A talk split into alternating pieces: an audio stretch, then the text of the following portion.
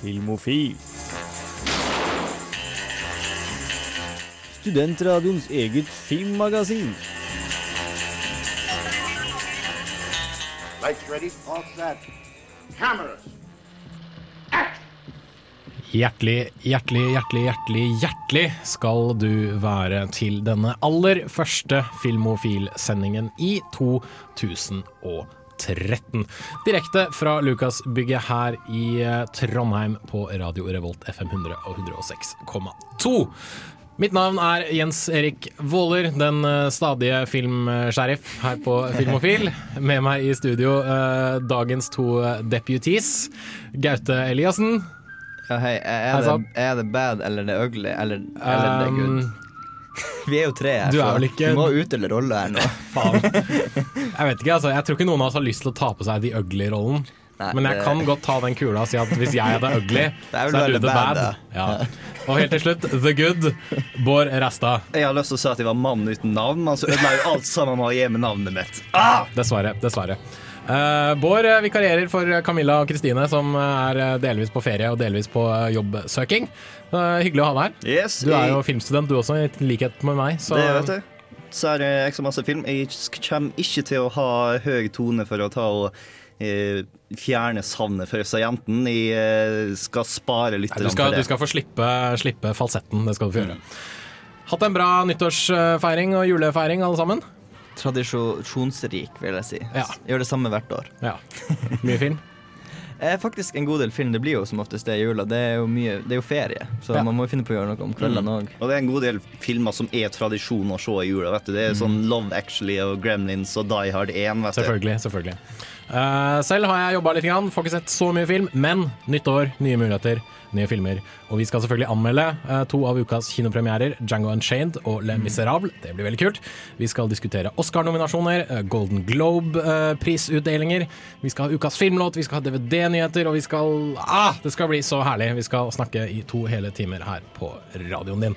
Men aller først så skal du få Deerhoof, sexy but sparkly.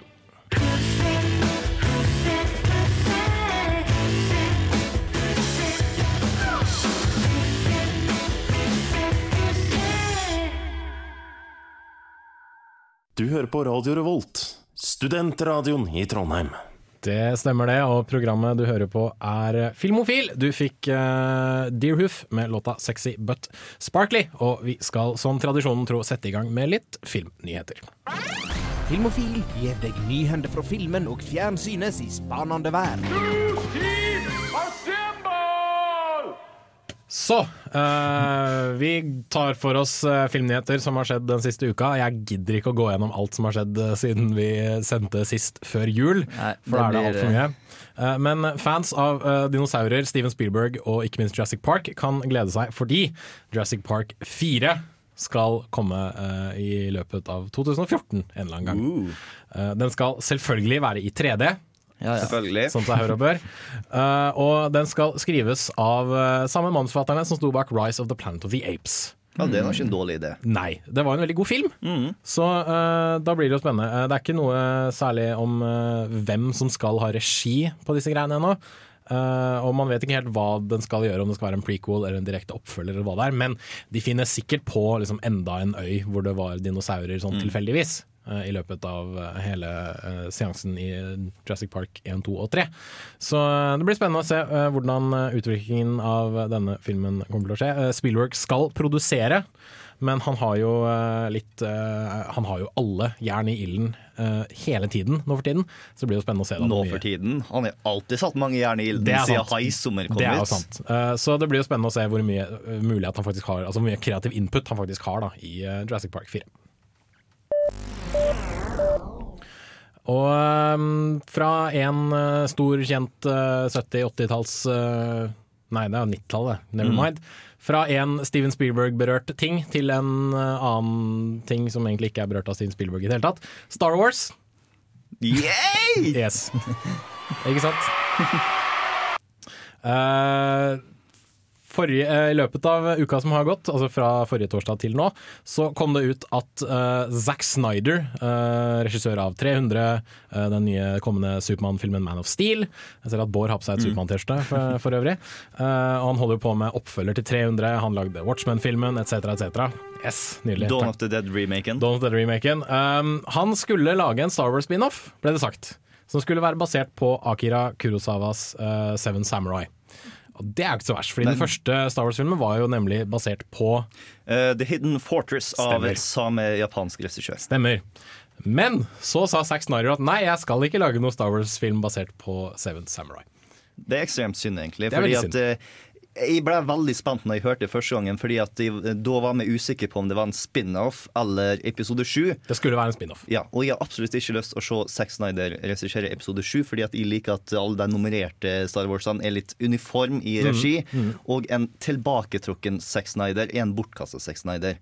Men en Zack Snyder som får være skikkelig Zack Snyder i en spin-off, og i skikkelig ha kickass som Seven Samurais-stil, det skulle jeg gjerne gjerne sett, og jeg håper at han tar og tenker ta en god idé! Kanskje jeg skal bare ta den allikevel. Og ikke minst uh, kampscener med sju Jedier. Det er ganske kult. Eller sju Bounty Hunters. Eventuelt.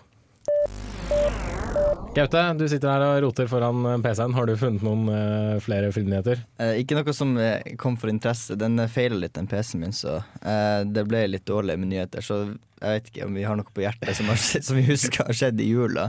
Så kan vi jo nevne det. Eh, ikke som jeg kommer på sånn uh, med en gang. Uh, jo, Spike Lee bestemte seg for å boikotte Tarantinos Django Unchained.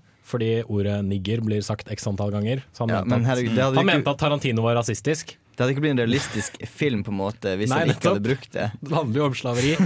Og det skal nevnes at han boikotta denne filmen før han noensinne har sett den. Ja, det også. Han ble fornærmet på forhånd på vegne av sine forfedre som var slaver i USA.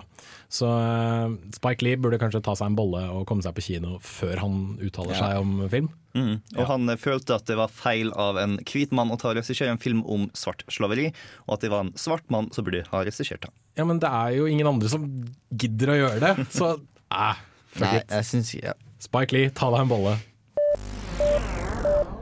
Vi eh, skal eh, diskutere litt eh, Oscar-nominasjoner, for de ble jo avslørt for ikke så altfor lenge siden. Men før vi gjør det, så tar vi et lite musikalsk avbrekk. Her får du School of Seven Bells med låta Secret Days her på Filmofil på Radio Revolt.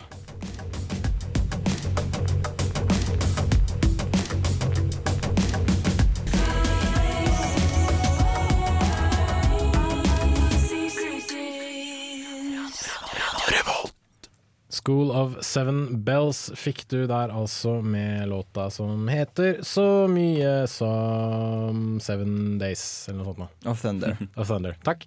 Uh, vi skal diskutere litt eh, Oscar-nominasjoner, for de ble avslørt for ikke så altfor lenge siden. Og det lar meg spille dette klippet. Oscar, Oscar, Oscar, Oscar, Oscar, Oscar! Nominasjon! Hæ? Hva snakka du om, Jens Erik? Oscar-nominasjon, ja. Der må du komme. Tusen takk til Sigurd Vik. For de som husker han, da. For de som husker han, eh, var med i Filmofil for en, eh, god stund siden. Eh, men han var, hadde en tendens til å gjøre et stort nummer ut av seg selv i Ja. studio. Og, Veldig god energi, den ja, typen der. og det, det liker vi å bruke i kommende sendinger. Oscar-nominasjonene. Vi diskuterte det litt på søndag, Bård, i yeah. privaten. Det er litt kjedelig i år! Ja, det er sånn sju filmer som går igjen og igjen og igjen og igjen. Ja. Du har liksom noe variasjon ned i de tekniske bitene som visual effects og eh, storyboard, nei, screenplay og alt sånt som det er nå, men de øverste sånn eh, beste mannlige rolle og beste film og beste regi er de samme filmene som går om og om igjen. Ja. Det går veldig mye i Beast of the Southern Wild, det er Silver Linings Playbook, Lincoln, ikke minst. Stort, storslått amerikansk drama. Det er jo det Oscar-akademiet syns er helt fantastisk. Uh, Amour fra Østerrike. Uh, Argo har fått et par nominasjoner. Uh, Historien om Pi har fått et par nominasjoner. Men eh, ja, som sagt, det er, det er veldig trygge valg. Eh, og jeg syns det er litt uh, Det er liksom et par filmer jeg føler mangler. The Grey, for eksempel. Ja. Den har ikke fått en eneste nominasjon. Det var en av fjorårets aller beste filmer. Min største skuffelse er at eh, Moonrise Kingdom kun fikk beste originale screenplay, når de har et av de mest fantastiske, fantastiske cinematografiene jeg noensinne har sett. Um, og eh, vi kan jo for så vidt nevne da at uh, Avengers, også en av fjorårets beste filmer, fikk en uh, nod for beste visuelle effekter.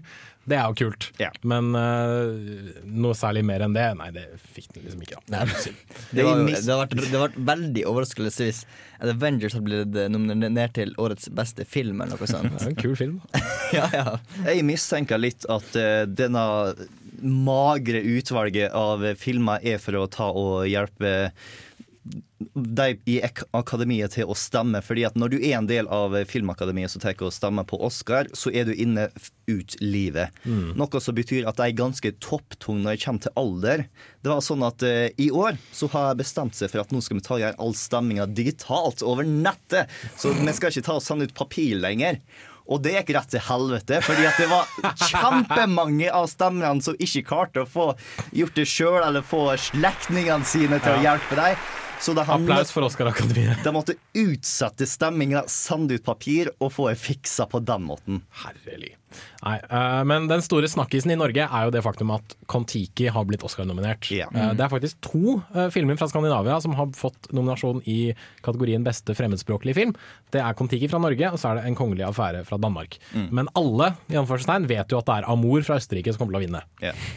Fordi det er Men den noe annet hadde vært en stor overraskelse. ja, ikke sant? Det er jo den som har blitt eh, mest kritikerrost opp i skyene, vil jeg si. Men um, vi kan jo ta liksom, noen av de viktigste kategoriene. da. Beste film. Hva, hva tror vi er favoritten? Nå har vi jo ikke sett så veldig mange av disse Nei. filmene, da, fordi de kommer ikke til Norge før i løpet av liksom, februar og mars. Men uh, hva tror vi? Beast of the Sun and Wild, Silver Linings Playbook, Zero Dark Thirty, Lincoln, Le Miserable, Historien om Pi, Amour, Django eller da Argo. Beste film. Django føles ikke som en Oscar-vinner. Nei, Det føles ut som noe de har putta dit fordi at liksom, ja, vi er litt tøffe. Ja, vi er litt ungdommelige, liksom, Ja, yeah. sant. Så da bare, Den er en bra film, men den kommer aldri til å vinne Oscaren. Mm. Det, Og Zero Dark Thirty handla om jakten på Osama bin Laden, som halvveis ute i filmproduksjonen fant jeg ut at Osama bin Laden ble funnet drept, så det endra historien. Yes. Og den eh, handla veldig masse om tortur og om det er rett eller galt, så jeg tror den er for politisk til å faktisk vinne. Det tror jeg også. Jeg tror faktisk at Oscaren går til Lincoln, fordi eh, Oscar-akademiet er veldig glad i eh, storslåtte dramaer. Hvor eh, kjente historiske figurer må liksom eh, overvinne disse store, fantastiske hindringene som står i veien for dem. Eh, og så kan vi da relatere til dem på en eller annen måte vi ikke har gjort før. Og ut fra hva jeg har sett av bilder av filmen, så er det jo Daniel Day-Lewis sin transformasjon til Lincoln som sikkert kommer til å gi han Oscar for beste mannlige rolle også, tenker jeg da. Ja. Og Abraham Lincoln er nå en av de mest populære presidentene i Amerika Nettopp. ever. Nettopp. Og when in doubt, bet on Steven Spielberg. Ja, ikke sant? Han er sentimental som bare faen, men Oscar-akademiet liker nok litt sentimentalitet. sentimentalitet. Så Lincoln beste film, da går nok eh, regi til Spielberg. Nok en gang. Hvis, eh, da går beste mannlige hovedrolle til Daniel Day-Lewis. beste kvinnelige skuespiller er litt sånn opp og ned. Jeg håper på hun lille jenta fra Beast of the Southern Wild, for da får vi en niåring som vinner Oscar, og det er kult. som blir da den yngste. Ja. Eh, beste kvinnelige birolle går nok forhåpentligvis til Anne Hathaway, for hun var helt fantastisk i uh, Le Miserable, syntes jeg i hvert fall. Den har jeg sett denne uka. Uh, beste mannlige birolle, den Noen tror Tommy Lee Jones i Lincoln. Eh, noen tror Christopher, Christopher Waltz, men han vant for Ja, Inglorious Bastards. for en ny mm. film. Jeg syns den, den rollen han hadde som han der en tysk Nei, hva han het han? Inglorious Bastards? Eh, Colonel Ikke Kurtz. Hans Landa. Hans Landa, ja. Mm. Den var litt mer sånn eh, snerten enn den som han nå. Fordi han er veldig bra i Django Unchained, så tror jeg ikke han går stikker med Oscar denne gangen. Kan jeg nevne det at Den eneste som er nominert i skuespillerkategorien fra Django Unchained, er, en, er den snille hvite fyren. Den litt sånn halvslemme svarte fyren, han er ikke nominert. Og de onde hvite fyrene, det er i hvert fall ikke nominert. Nei. Men eh, ja, vi, det er kanskje de aller viktigste som er gått gjennom. Det ligger jo liste opp og liste ned og bloggposter opp og ned eh, for eh, hva som er blitt Oscar-nominert. Vi flytter diskusjonen fra Oscar-nominasjoner til Golden Globe-vinnere. Og også der har jeg fått lov til å grave opp et litt gammelt klipp, så får vi se da om Golden Globe-vinnerne er en god indikator på hva som kommer til å vinne Oscar. Her får du Dråpe med Blue Skies.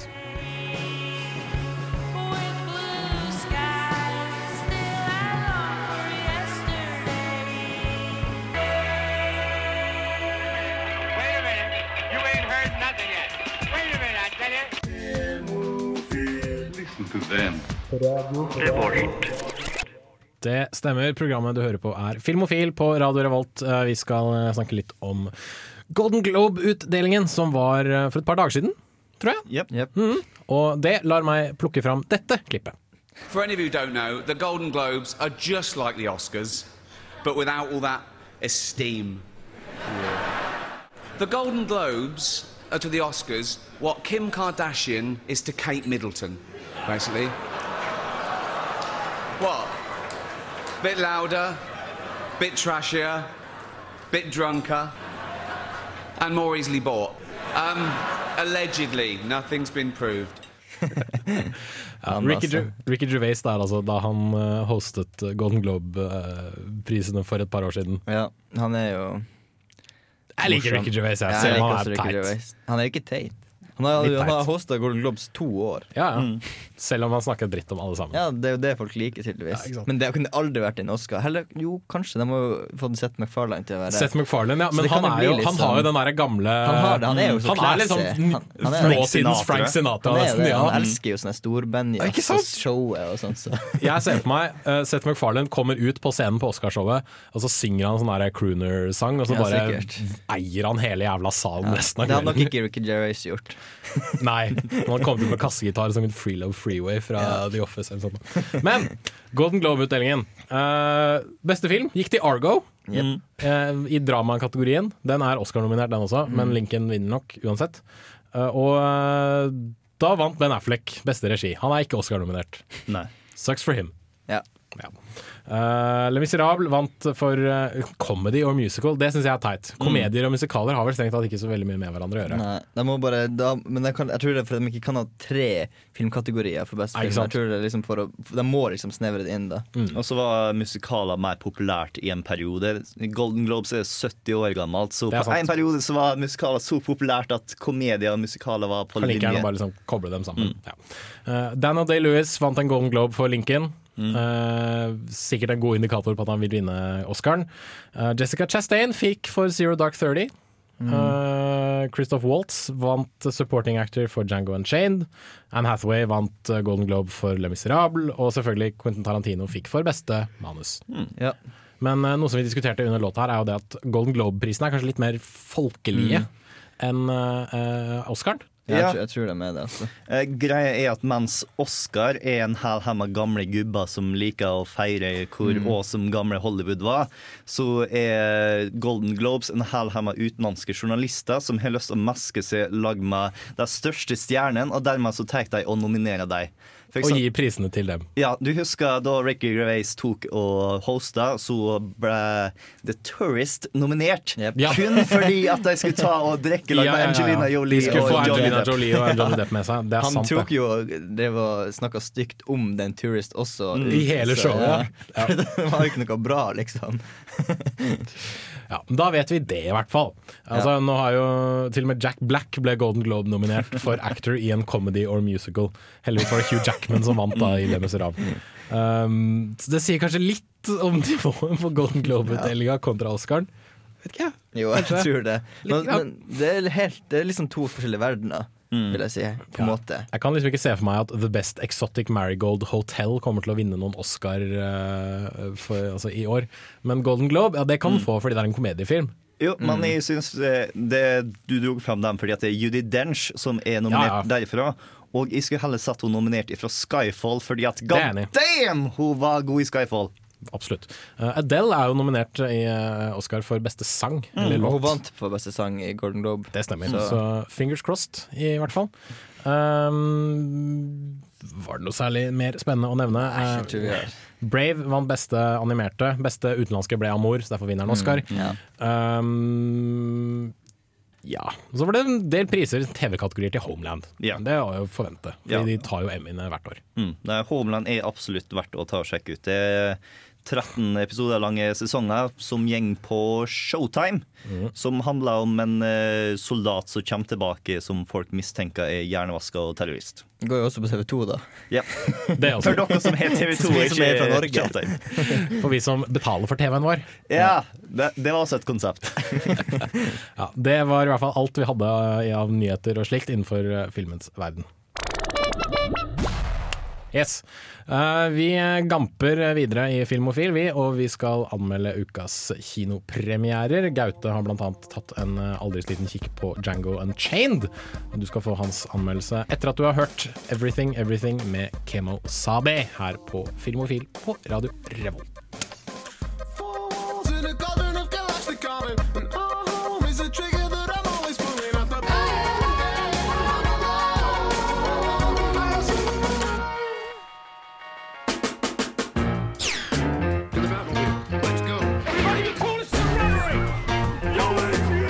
Dette er Filmofil. Film, fjernsyn, skuespillere, kamera, action. Ja, rubb og stubb her på Radio Revolt. Dirty Projectors fikk du der med Simple Request her på Filmofil. Og før det fikk du Everything Everything med Kemo Sabe. Men uh, nå er vi på ukas kinopremierer, og du Gaute har tatt en aldri så liten kikk på Quentin Tarantinos nyeste film Django Unchained. Så absolutt. Ja, det. eh, Da, da e-posten om eh, visninger av film kom inn, så satt Gaute og refreshet uh, gmailen sin og bare «Ah, Vi ser Django! Ja, faen, men jeg hadde gleda meg til den. Altså. Ja, vet du hva? Det har jeg òg, og det vet jeg Bård har også. Så vi tar egentlig bare og kjører i gang. Her får du Gautes anmeldelse. Who's that stumbling around in the dark? State your business or prepare to get winged. Sist vi fikk en film av Tarantino, var det nazistene under andre verdenskrig som fikk gjennomgå. Denne gangen får vi servert en moderne western der historien er satt i sørstatene 1958, to år før borgerkrigen, og da er det selvfølgelig negerhatende hvitinger som skal få kjenne pisken. Good cold evening, gentlemen. Amongst your inventory, I've been led to believe is a specimen I'm keen to acquire. When I hear the trumpet sound, What's your name? I'm gonna rise right out of the ground. Django. Then you're exactly the one I'm looking for. Dr. King Schultz, spiller av Christoph Waltz, en dusørjeger som dreper kriminelle for penger. Et av målene hans en bande som går under navnet The Brittle Brothers. I'm looking for the Brittle Brothers. However, I don't know what they look like, but you do. Han får derfor tak i slaven Django, spilt av Jamie Fox, som har jobba under deres regime, og derfor kan identifisere banden. Siden oppdraget ble en suksess, spør Schultz om Django vil bli hans partner gjennom vinteren, og tilbyr samtidig å redde hans elskede kone når vinteren er omme. Do you know what a bounty hunter is? You kill people, and they give you a reward. Better they are, bigger the reward. Og selv om settinga er i tiden før slaveri ble ulovlig i sørstatene, er hovedtemaene likevel hevn og kjærlighet. Helten, altså Django, vil ta hevn på dem som behandla de svarte dårlig, samtidig som han vil redde sin store kjærlighet fra slaveriets stramme lenker. Og det er en spennende historie om en som virkelig ikke skyr noen midler for å nå målet sitt. How do you like the bounty hunting business?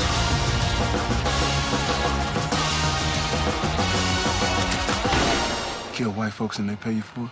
What's not to like? I like the way you die, boy. He is a rambunctious sword, ain't he? Django Unchained inneholder alt vi elsker og forventer av en Tarantino-film. Vittige dialoger, brutal vold, minneverdige sitater og en påminnelse om at alt er lov i film. Vi har blitt så kjent med Tarantino sitt grep av filmmediet at det nesten kan virke litt parodisk til tider. Men stilen hans funker fremdeles og er fortsatt meget underholdende. Gentlemen, you had my curiosity, but now you have my attention. Nøkkelkarakterene er som vanlig sterke, og i tillegg til Fox gjør Leonardo DiCaprio en meget bra rolle som den sleipe og ondsinnede Calvin Candy, eieren av den mest beryktede plantasjen i Mississippi, Candyland. They called my wife. They sold her. But I don't know who to. Calvin Candy. That's the repellent gentleman who owns her. Broomhilda is my property, and I can choose to do with my property whatever I so desire. Django Unchained er en lang film med mange lag.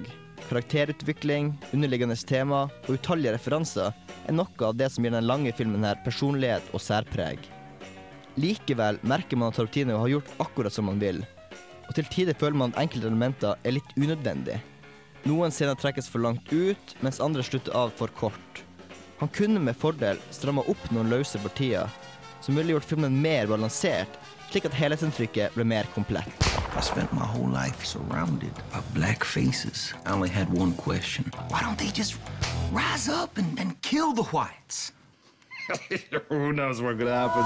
Selv om det mangler litt av den virkelig gode snerten i dialogen, og til tider kan virke litt langtrekkelig, det er fortsatt en kvalitetsfilm med over gjennomsnittet god underholdningsverdi. Hvis du er Tarantino-fan, må du se den. Hvis ikke, burde du se den. Uansett er Django Unchained en klassisk Tarantino-film som er verdt hver krone kinobilletten koster. Terningkast fem. What's your name? Django. D J A N G O. The D is silent. Gentlemen,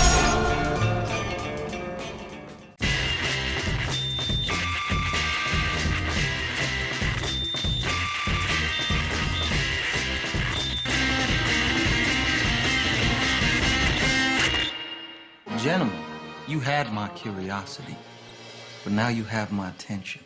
Og det klippet der var jo selvfølgelig Calvin Candy fra Django Unchained. Jepp, de eh, tilbyr en uh, umenneskelig sum for en sånn mandingoslave. mandingo-slave. Som, mandingo det er sånne slåsskamper mellom slaver. da okay. Så han var en som stilte skikkelig bra. Sånn. Så derfor eh, sa han nå har dere oppmerksomheten min. Du likte filmen, du ga den en femmer. Jeg ga den en femmer. Jeg likte den Eh, absolutt. Og øh, det virker jo som det absolutt er verdt å se, hvis du er Tarantino-fan. øh, og hvis du kanskje er litt western-fan også. Mm. Noe vi øh, har diskutert litt, er at det kan kanskje virke litt parodisk, i og med at du kjenner disse Tarantino-elementene. Det har i hvert fall blitt det. Kanskje siden Inglorious Bastards, så blir det liksom Det er ikke så overraskende som det var før. Nå er det liksom Han gjør sin greie, og ja. Du sitter der og venter på at øh, det kommer en øh, låt som ikke var lagd da filmen skal Som foregå. og det jo gjør opptil flere ganger. Som for eksempel når man ser en ridescene med Jamie Fox Django da, så plutselig kommer det en sånn der skikkelig gangsta hiphop-låt som bare Så ja. Litt sånn. Ja, men Ja, øh, Noe Bård øh, brakte opp i stad under låta, var øh, hvordan er det med snakk kontra action i filmen? For uh, Inglorious Bastards trodde jeg skulle bli full av øh, bra nazisløye action, men det var jo en mer sånn pratetung film. Ja. Hvordan er det med Django? Det er Jeg syns ikke, som jeg har sagt, at det, jeg syns ikke det var for lite action. Men jeg syns at noen sånne scener blir litt stillestående med litt prating, da, som kunne til fordel blitt litt stramma opp, som jeg sier. Så jeg syns ikke det er godt nok med action, men det er kanskje litt noen scener som trekker litt ut, der det ikke skjer så mye, og praten er ikke noe interessant å følge med på, egentlig. Det er bare sånn, sånn pirk, da. Så det er ikke av den typiske Quentin Tarantino har lyst til å gjøre et eller annet poeng som ikke er relatert til plottet, men han har en grunn til å snakke, så han kaster inn en scene. Ikke sånn som når han forteller en vits som varer i fem minutter. er Nei. Nei ikke, det, det sånn er det ikke. Da, det, det er jo morsomt. Ja, det, det er derfor jeg sier Quentin Tarantino-filmer. Ja. Nei, det var ikke noe, noe sånn med sånne ting. Det var det ikke. Men, ikke som øh, jeg husker, men så, den var så lang. Jeg tror, jeg må se, for det, så, jeg tror kanskje når jeg ser den andre gang, så kommer jeg til å liksom fokusere på litt andre ting. Og jeg tror det er en Mm. sånn film man må se to ganger. Når, når en film bare er to timer og tre kvarter, og, da, og det er liksom Det er litt vanskelig å liksom få alle med detaljene første gang du ser den. Ja. Så ja. Inglorious Bastards var vel nesten like lang også, var den ikke det? Den var sånn 2,30, tror jeg. Den var eh, ganske stor lengde. ja. Jeg tror den var så stor som uh, Jungle, men eh, så han også eh, Det var ekstremt masse han har lyst å putte inn i den filmen, og det er uendelig masse som han uh, klippa vekk sjøl før han begynte å skyte noe. Mm. Eh, Et siste spørsmål før vi går til låt. Er det, en, er det en veldig voldsom film? Trailerne ser ut til å liksom gi inntrykk av det. Voldsom. Ja, Ja. den er jo Det er jo, Altså, det er jo vold, det er jo det er jo Tarantino. vold, men det er liksom skikkelig over the top, da. Mye okay. av det som skjer. Men sånn, det er jo det exploitation-volden hans. sant? Det blir jo over the top. Det, kunne, det, ja, det er altfor mye skyting til å være på 1800-tallet. Ja, men det er cowboyfilm, da. Da Ja, må det jo være skyting. Det er jo det folk forventer. Ja. Men uh, en klar, uh, klar, uh, klar anbefaling der, altså, fra Ja, Gaute på Django Unchained. Jeg skal nok få sett den i løpet av neste uke en eller annen gang, forhåpentligvis. Men vi går fra litt cowboy blaxploitation til eh, litt uh, helt andre boller. Etter at vi har hørt 'Vintergata' med Sommerfogel, skal jeg anmelde Le Miserable.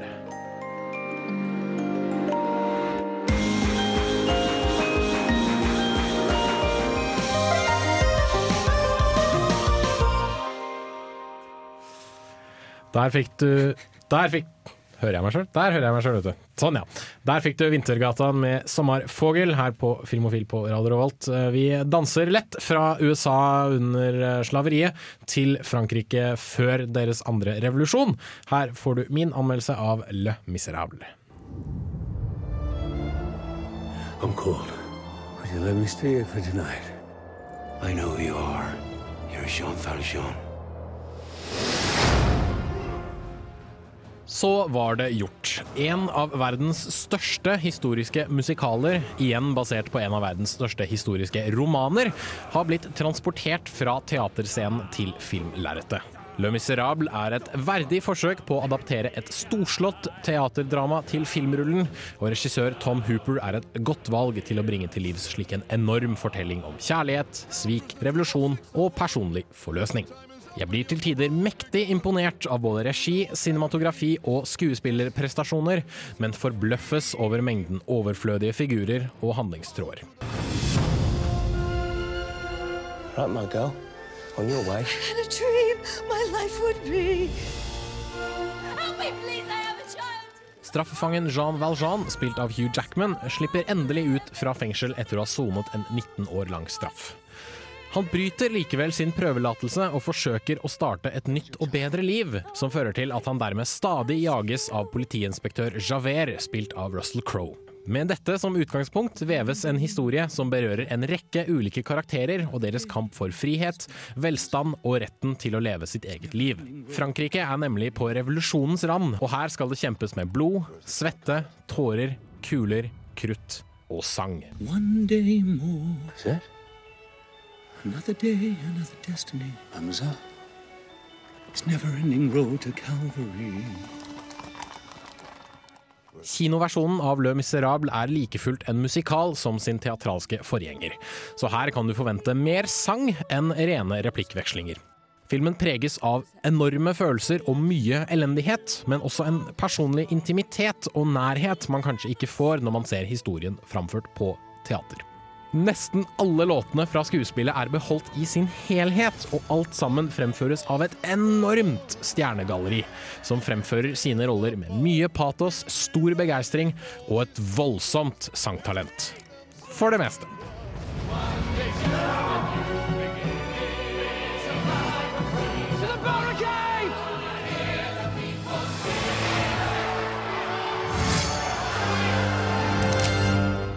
Le Miserable lider også av det faktum at filmen inneholder altfor mange figurer, handlingstråder og sekvenser som føles altfor overflødige. Dette er en direkte adaptasjon, som dermed fører til at filmen er i underkant av tre timer lang, og det føles som om jeg ser to filmhistorier som har blitt skvisa sammen til ett langt narrativ.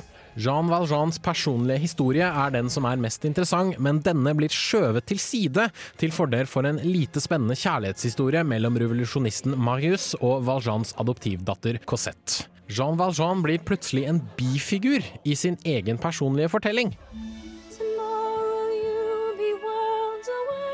Who was that girl? Cosette. And yet with you my world has started. But he never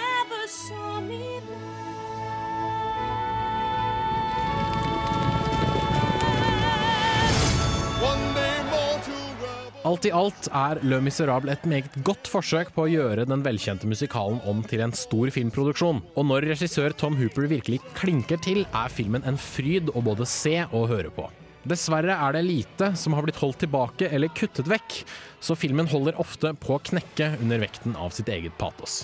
Likevel må jeg innrømme at filmen underholdt meg oftere enn den kjedet meg, og at mange av de mest kjente låtene satt klistret til hjernen min i flere dager etterpå.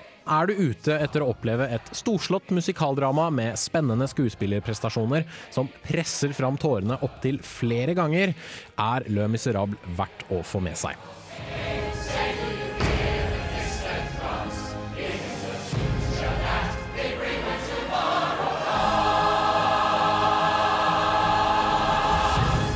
Terningkast fire.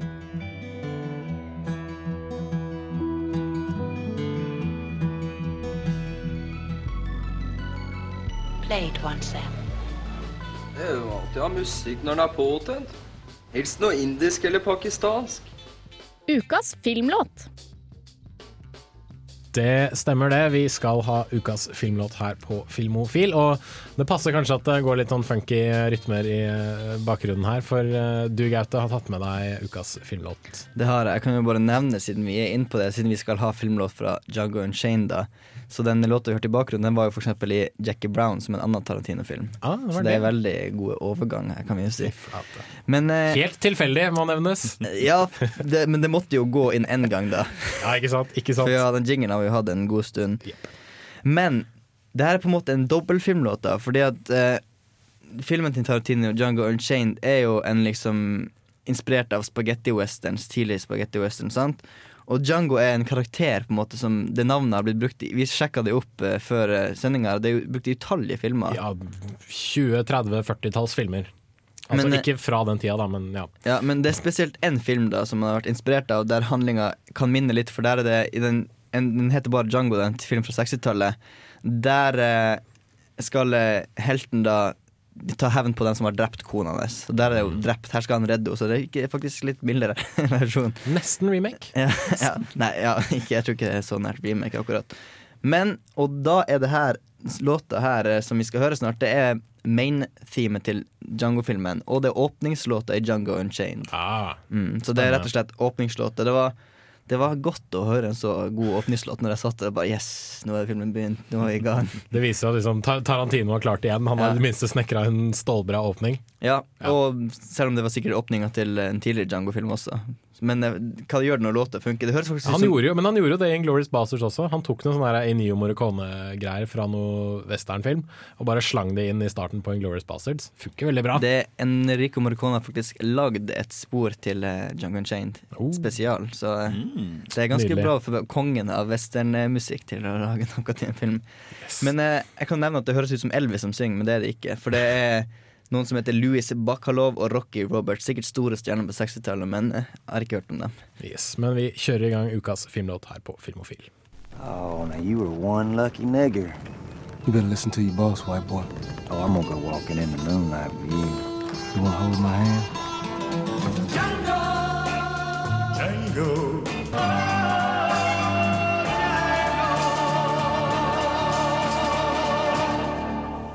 Louise Bacalov der, og Rocky Roberts fikk du med Django, ukas filmlåt her på Filmfil. Fra Django Unchained og Yes. Django fra 1960. Opprinnelig fra den filmen. Ja. Kul cowboylåt! Veldig kul cowboylåt, og jeg kan jo bare nevne at soundtracket til Jungle Chained er veldig bra og veldig variert. Både hiphop og soul og sånn her type, og litt Enrique Morricone-strykegreier. Ah! Gleder meg enda mer alt- til å se filmen. Men alt har litt sånn cowboygitar og litt sånn cowboysvang over seg, så det er en rød tråd jeg også. Det er litt synd at normen om at du skal begynne filmen med en låt hvor de synger tittelen, har forsvunnet. Det er kun James Bond som sitter igjen der nå. Vet du hva, Jeg syns den tradisjonen burde liksom tas tilbake litt. Yeah. Grann. Eh, det hadde vært noe. Det var sånn flik- svær operastym. Dread! Eller et eller annet sånt. da. Kjempebra. Det var i hvert fall ikke tvil om at jeg satt meg riktig kinosal og så på riktig film når den åpningslåta kom. Det er sant. det er sant Men vi skal fra kinofilmer til videofilmer. I videohylla. Rykende ferske digitalfilmer som du kan ha i din heim. Og eh, på video denne uka er det nok dessverre ikke så kjempemye å rope hurra for, altså. Men det er jo liksom tidlig på året, så da er det kanskje litt sånn par for the course. Ja, det er ikke vits å gi ut så mye, vet du. Jul har vært, ting som bruker penger Ingen gidder å bruke penger i januar, nei? Ja. bortsett fra at studentene får liksom storstipendet nå. Da, Ja, det vi, vi- bruker penger nå. vi bruker et øl. Ja. Eh, men eh, hvis du er glad i Spike Lee eh, og syns han er en god regissør, til tross for at han er en litt sånn gjøk når det gjelder andre ting, så kan du kjøpe Boys in the Hood på Blu-ray Det er bra, det. Hva det er for noe? Det er en Spike Lee-film. Jeg vet ikke hva Det ser sykt cheesy ut på coveret. Ja, men den har altså, Fem fra VG, fem fra Dagbladet, fem fra? Dagsavisen. Det er faen meg ikke måte på hva den her har fått, skjønner du. Er du glad i TV-serier, kan du sjekke ut Chuck sesong fem, Futurama sesong fem og seks og Futurama sesong syv uh, på DVD. Uh, Earthbound and Down sesong tre er ute på DVD. Og så er det litt sånne her ymse ting. Uh, Simpsons sesong 15, uh, Dread og Lawless, som Kristine anmeldte for oss i fjor. De skal vi høre litt sånn etterpå. Og uh, komediefilmen The Campaign, den har du sett, eh, Bård? Ja, jeg så den eh, sånn rett etter presidentkampanjen, fordi at det var litt derfor de lagde den. Yes. Og det er et eh, humoristisk og satirisk take på hvordan det politiske valgsystemet i Amerika ikke fungerer helt som det skal, fordi at eh, det er en eh, sånn eh, hva hus er det han sitter i? eh, Kongressmann eller noe Mhm. sånt som, det som har sittet mange mange år på rad. Og så driter han på draget, og så har de eh, kapitalfolka som har tatt og støtta han, bare sånn Nei, vi kan ikke støtte han karen der nå lenger, vi finner tak i en kar som vi kan ta og pushe rundt, og gir han penger i stedet. Fordi at det er hele tida den karen som får big money bak seg, som vinner, fordi at den andre karen han får eh, negative ads og alt mulig rart. Skjønner, skjønner. Men men det er jo det er Will Ferrell og Zac Galifianakis, to veldig morsomme fyrer. Ja. Er det en morsom film? Det er en underholdende film, og dersom du er interessert i politikk, i hvert fall amerikansk politikk, så er det ganske interessant å se den. Men eh, det er en sånn film som du gjerne ser på TV når den gjeng, men du kjøper den ikke og ser den på flere ganger. Ok, eh, Jeg hører det er en sekvens med en baby eh, som er litt sånn spess spes i den filmen. Ja, på et tidspunkt så prøver Will Ferrell å slå til Zac Gaffiganakis. Galifianakis. Gaffiganakis. Og Olympiadukakis. Zac tar og dodger i siste sekund, og eh, Will Ferrell treffer i stedet en stakkars baby, sånn at smokken flyr. Ops. Flaut. Eh, senere i filmen så skjer samme scene igjen, bortsett fra at denne gangen er det ikke en baby, men hunden ifra The Artist. Virkelig? I, virkelig. Å, gud a meg. Ok, Det høres litt morsomt ut, da. Uh, er du mer glad i tåpelig zombie-action, så er Resident Evil-filmene ute i en sånn collection-boks. Eh, de kan du brenne hvis du har kjøpt, fordi de er skikkelig drittfilmer. Eh, jeg vet at Mikkel i eller Mikkel i Postkokk og blyforgiftning er uenig med meg. Vi har til og med brytt i håndbak om det. Eh, han vant, dessverre. Men eh, I will not admit defeat. Jeg syns det er møkkafilmer allikevel. Så det er du ute etter litt sånn mer eh, ja, Ikke grindhousey, men ute etter litt mer sånn uh, arthousey type film. Så er det en fin liten film som heter The Doom Generation, som også er ute på video denne uka. Eh, og det er vel egentlig alt det som er verdt å nevne, tror jeg. Ja. Da går vi videre uh, i sendinga. Vi skal høre Kristine anmelde storfilmen Dread. Uh, en film jeg ennå ikke har sett, men som jeg hører er en ganske så kul actionfilm hvis du liker galskap og stor action. Absolutt. Absolutt. Her skal du i hvert fall få Daniel Rossen med 'Not Coming Back' på Filmofil.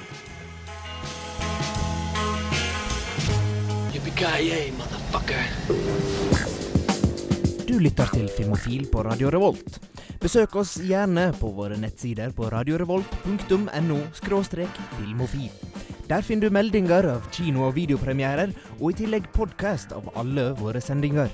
Har du ris eller ros, tips eller triks, kontakt oss gjerne på elektronisk post.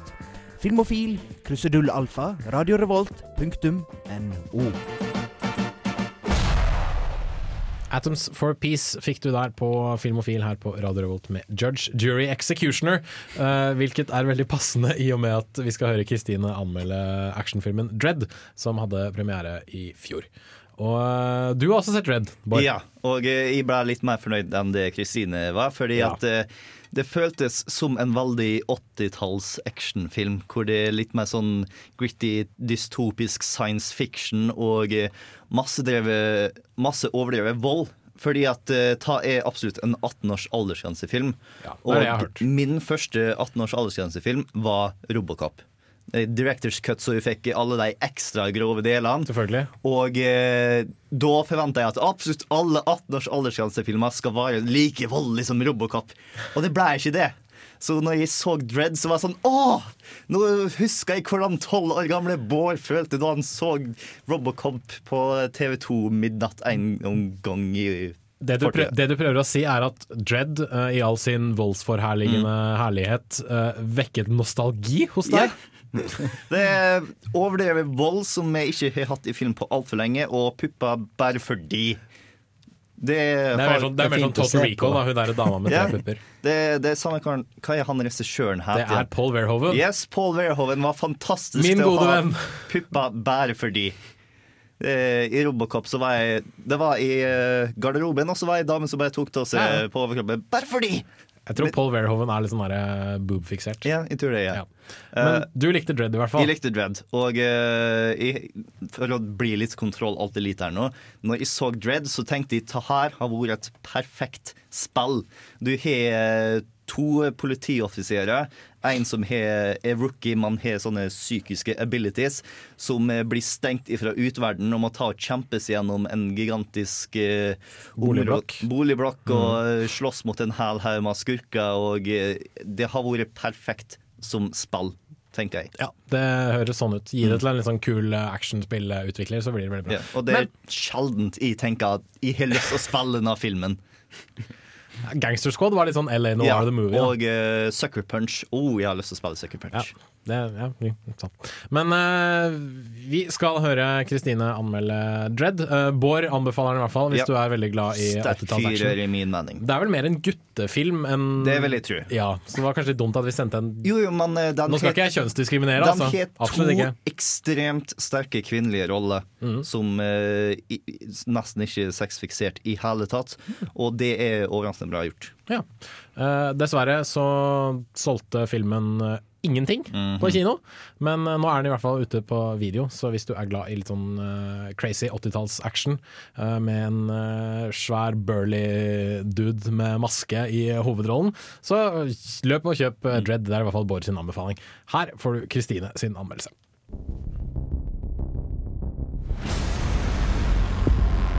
Eight hundred million people living in the ruin of the old world. Only one thing fighting for order in the chaos. The men and women of the Hall of Justice. Fremtiden er dyster.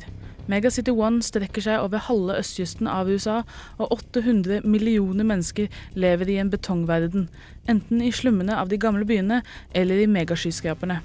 Rettssystemet har blitt effektivisert med mobile dommere som tar av seg pågripelse, dommen og straffen alt på én gang. Etter tre narkolangere blir brutalt myrdet, tar Judge Dredd med seg den unge aspiranten Anderson til en av megaskyskraperne. Der inne derimot er det narkodronningen Mama som styrer, og hun vil ikke la dommerne slippe ut. You know how often we get a judge up in peace trees? Well, you got one now. She has control of everything. Levels 1 to 200. This is Mama. Somewhere in this block are two judges. That's not good. I want him dead. Dredd er basert på tegneserien Judge Dredd og er ikke en remake av 1995-filmen Judge Dredd med Sylvester Stallone, selv om det veldig ofte føles som en hyllest til actionfilmer fra den perioden. Carl Urban er nå dommer Dredd, iført en hjelm han umulig kan se noen ting ut av, og en gjennomført Batman-stemme.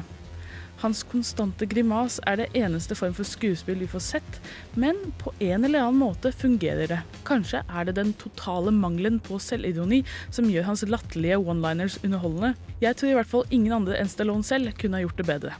Ved hans side er rookien Anderson, spilt av Olivia Trilby, som ved første øyekast virker hans rake motsetning. Takket være radioaktivitet ved ytterkanten av byen der hun vokste opp, har hun blitt en mutant med synske evner. Tro ikke at hun er en billig X-Men-erstatning derimot, for hun leser ikke bare tanker, hun tar en skikkelig mindfuck på deg. Negotiations over. Sentence is death. Hele filmen bobler over av blod og vold, på en måte som er halvveis fascinerende, halvveis latterlig, men til syvende og sist ganske underholdende. Ja, det er klisjé med sakte motion, men i Dread er det faktisk forklart. Gjennom det narkotiske stoffet alle tar, som gjør at man tror tiden går 99% saktere enn virkeligheten. Resultatet blir en ballett av blod og død blant glitrende glass og eksplosjoner. Peachtrees is the manufacturing base for all the slow-mo in Mega City 1. Makes the brain feel as if time is passing at 1% its normal speed. På toppen av dette tårnet av vold og mørk betong sitter narkodronningen Mama, spilt av Lina Headley. Hun er uten tvil overbevisende som den sadistiske bitchen, men det skurrer litt rundt hvor selve tronen til dette narkoimperiet er. Hun oppfører seg og ser mer ut som en av brukerne, ikke dronningen av det hele. Men det går hele i den dystre fremtidsstilen filmen klamrer seg fast til. Hva mer trenger 90-talls actionfilmer? Et noenlunde logisk plott hadde nok hjulpet. Plottet i Dread er vel logisk nok, men det er kanskje derfor det er litt kjedelig. Her har vi en hel by av megastrukturer, men vi holder oss til ett eneste. Det er samtidig litt forfriskende at ikke så mye står på spill, og vi kjenner jo til andre actionfilmer, som som selveste Operasjon skyskraper, som holdt seg til én bygning og gjorde det veldig bra. Da er feilen kanskje nettopp det at storyen bare ikke er original nok. Det de gamle actionfilmene også hadde, var helter vi heiet på. Det er vanskelig å heie på Dread. Spørsmålet om systemet de jobber i er rettferdig, er ikke til stede.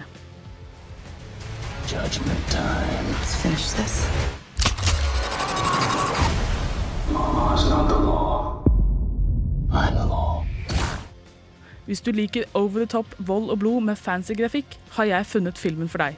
Dette er ren voldsfilm, og ja, jeg må innrømme at jeg ble underholdt mye av tiden. For de som trenger litt mer plott og skuespill fra filmene sine, kan de lett hoppe over denne. Ternekast tre.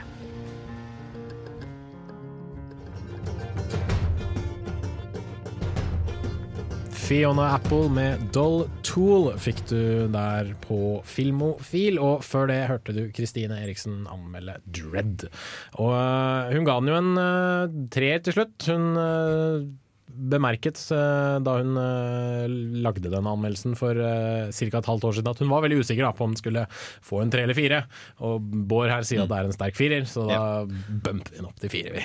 Jeg vil si meg litt uenig når hun kaller den for en dum actionfilm. Jeg vil heller kalle det for en fokusert actionfilm. Ja, den kan jeg mm. se. Men alle leser jo filmer forskjellig. Ja. Som vi vet, vi som går filmvitenskap på NTNU.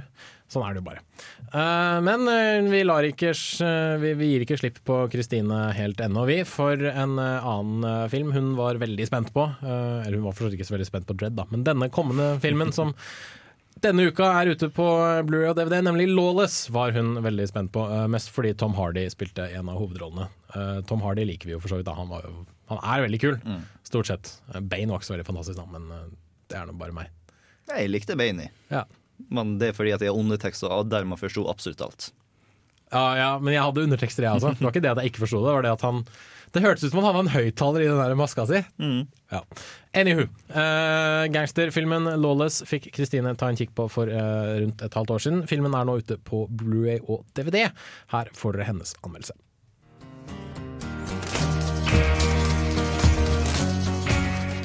Prohibition, moonshine, bootleggere, speakeasier. En tid der skurkenes biler måtte være raskere enn purkens, og gangstere gikk i dress og plafret ned folk med skikkelig Tommy Guns.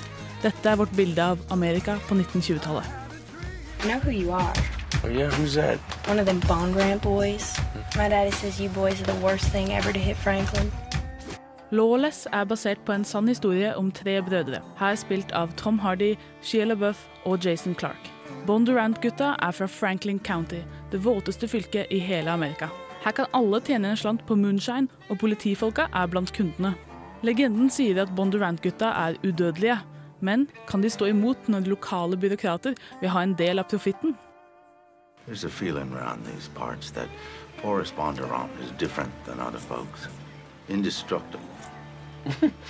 Do you mean immortal? Sheriff, you any idea what a Thompson submachine gun does to a mortal? Lawless er litt som om The Untouchables ble snudd på hodet og satt på landet. Her er ingen heroisk Elliot Ness, men sympatien for skurkene er heller ikke enkel. Det er vold fra alle kanter, og den er rå og blodig. Tom Hardy spiller alfabroren Forrest Bondurant. Han er en herlig blanding av klassisk Clint Eastwood og mystisk Jesse James, men han blir noe helt unikt i sin totale mangel på sjarm. Tom Hardy kan si mer i et grynt og et blikk enn de fleste kan i lange taler. Det er derfor litt kjipt at han står ved siden av Shia LeBeouf. LeBeouf har god fortellerstemme, det skal han ha, men hver gang jeg ser trynet hans, tenker jeg bare på den valpen som hjalp George Lucas ødelegge Indiana Jones. Han prøver veldig hardt, og han greier det å spille den svake broren veldig bra, men det er når han skal vokse opp han får problemer. Seems you've been involved in certain illegal activities. There's a new special deputy. You've been brought in from the city. På den såkalte rette siden av loven har vi Guy Pearce som forbundsagent Charlie Rakes. Han er en gjennomført creepy skurk, og det synes jeg er helt herlig. Gary Oldman representerer den stilige gangsteren Mad Dog Floyd Banner, inkludert Tommy Gunn, selvfølgelig. Den største feilen filmen gjør, er å gi altfor liten tid til denne mannen. De andre feilene er nok lengden og rytmen. For meg gjør ikke lengden noen ting, for sånne filmer skal være lange dramaer oppdelt av brutale scener. Når det gjelder rytmen, mister jeg litt stemningen når de hele tida blander inn scener med Shia og prestedatteren han er keen på. I tillegg kunne de gjort mye mer ut av det visuelle, for dette er et område av USA vi ikke så ofte ser i filmer satt til denne perioden. I know who you are. Oh, yeah? Who's that? One of them Bond Ramp boys. My daddy says you boys are the worst thing ever to hit Franklin. Lawless er en forbudstidsfilm, men den står egentlig mellom western og gangsterfilmen. Den er helt klart ikke for alle. Her er det harde menn, gode skurker og korrupte lovmenn, men det er de som har rett, ikke nødvendigvis er de lovlydige. Jeg skulle gjerne likt å gi den filmen her en femmer, rett og slett fordi jeg blir så glad når sånne filmer blir laget, men den greier ikke helt å måle seg med de store klassikerne. Terningkast fire.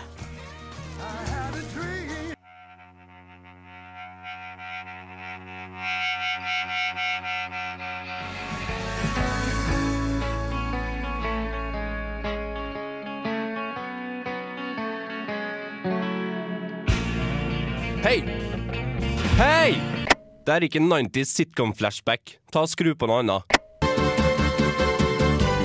Ja, bedre, men prøv igjen. Der, ja! Filmofil presenterer ukas serie. Stemmer det, vet du. Vi i Filmofil skal anbefale en eh, TV-serie til deg som sitter der ute og hører på. For eh, det er jo ikke bare ting som kryper og går i filmens verden, det skjer jo selvfølgelig også noe i TV-ens verden. Og siden Bård er vår special guest denne uka, så skal han få lov til å anbefale en eh, TV-serie. Ja, og vanligvis så er det Jens Eriksson som for animasjon, men i dag så tråkka jeg litt på tær her nå, fordi at jeg har veldig lyst å misjonære for en TV-serie som heter The Venture Bros. Dette har jeg hørt om på internett. Ja. eh, Det er ikke en serie som har kommet til Norge så vidt jeg vet. Det høres veldig usannsynlig ut, egentlig. Eh, Den går på eh, Adult Swim i Amerika. Og eh, det handler om en vel ikke verdens beste familie. Det er en eh, far som er vitenskapsmann, dr. Rusty Venture, som eh, tilbake i sine yngre dager på 60-tallet basically var Johnny Quest. Og eh, han har en far som var fantastisk stor vitenskapsmann. Og når han vokste opp eh, som Johnny Quest, så gikk han gjennom en hælhemma faenskap med superskurker som prøvde å drepe ham fordi at han var basically Johnny Quest. og alt mulig rart. Mhm. Og han blir en eh, veldig bitter mann når han vokser opp. Prøver å være vitenskapsmann som far sin, men klarer det aldri. Alt han lager er av laber kvalitet eller laber moralitet. Og eh, kanskje verst av det han lager, alt er ungene sine. Ok, Men pro projiserer han nå denne bitterheten over på sine egne barn? Å ja, ja, ja. Uh, de er basically Hardy-guttene som har blitt hermeskura av senga si, bokstavelig talt. Okay. Nei, bestefaren lagde senger som lærer så hun slipper å gå på skole. Så de har blitt uh, fått utdatert informasjon fra 60-tallet og er veldig G-Wiz, i hvert fall ja, første par sesongene. Litt sånn holdsom eh, humor Ja, og, og, og eventyr? Dum som brød og hele tida ute etter eventyr. Og eh, de har til slutt en livvakt som heter Brock Samson, som er en to meter gigantisk svensk beist som dreper alt eh, som tar og irriterer han. Ok. Eh, dette høres ut som oppsettet til uh, ja, mange klin gærne, dumme eventyr. Og det er det. Ja. Det er fantastisk mange dumme eventyr eh, de drar ut på. Men det som er veldig kult med denne serien her nå, er at sånn som med South Park, så er det to skapere som tar og lager absolutt alt. De skriver alt av manus, de designer ting sjøl, og de har halvparten av stemmene på uh, serien. Så uh, det er veldig uh, idiosynkratisk serie. Som eh, er veldig glad i en hel haug med bisarre bikarakterer, og gjerne to bikarakterer som tar og snakker veldig masse sammen fordi at det er kun sa to skaperne som akkurat som Quentin Tarantino kaster inn et par scener hvor han har lyst til å si noe, har de det med to tilfeldige bakgrunnsfolk. F.eks. Eh, Henchmen 21 og 24, som eh, diskuterer massevis av popkultur, mens de egentlig skal ta og hjelpe The Monarch, som er superskurken som er rivalen til Dr. Venture. Eh, Men hva er det som eh, gjør denne filmen, serien, eh, så, verdt å se? Er det humoren, er det animasjonen, er det skuespillet? Hva er det? Humoren og animasjonen er top notch, men det er en serie som absolutt belønner det for å se alt. Den er veldig glad i å ta og ha continuity. Mm. At de tar og bruker små karakterer som de tar og nevner tidligere, blir store senere. Og eh, det er absolutt karakterene som er best, i min mening. Det høres litt ut som Community i animert form. Ja, det, Bare at det er mer ev storslåtte eventyr enn Og overdrevet og mer voldelig. Okay. Det er basically hvis du blander litt community med South Park eller Simpsons, og har putta det i en verden hvor 60-tallet var da verden var på topp, og alle sammen prøver å vare på 60-tallet, men eh, klarer det ikke. Ha, høres uh, veldig interessant ut der. Og jeg regner med at serien er mulig å skaffe seg på DVD? på Det er fullt mulig å skaffe seg lovlig på DVD. Den er nå fire sesonger lang, og femte sesong begynner nå til våren. Stilig, stilig.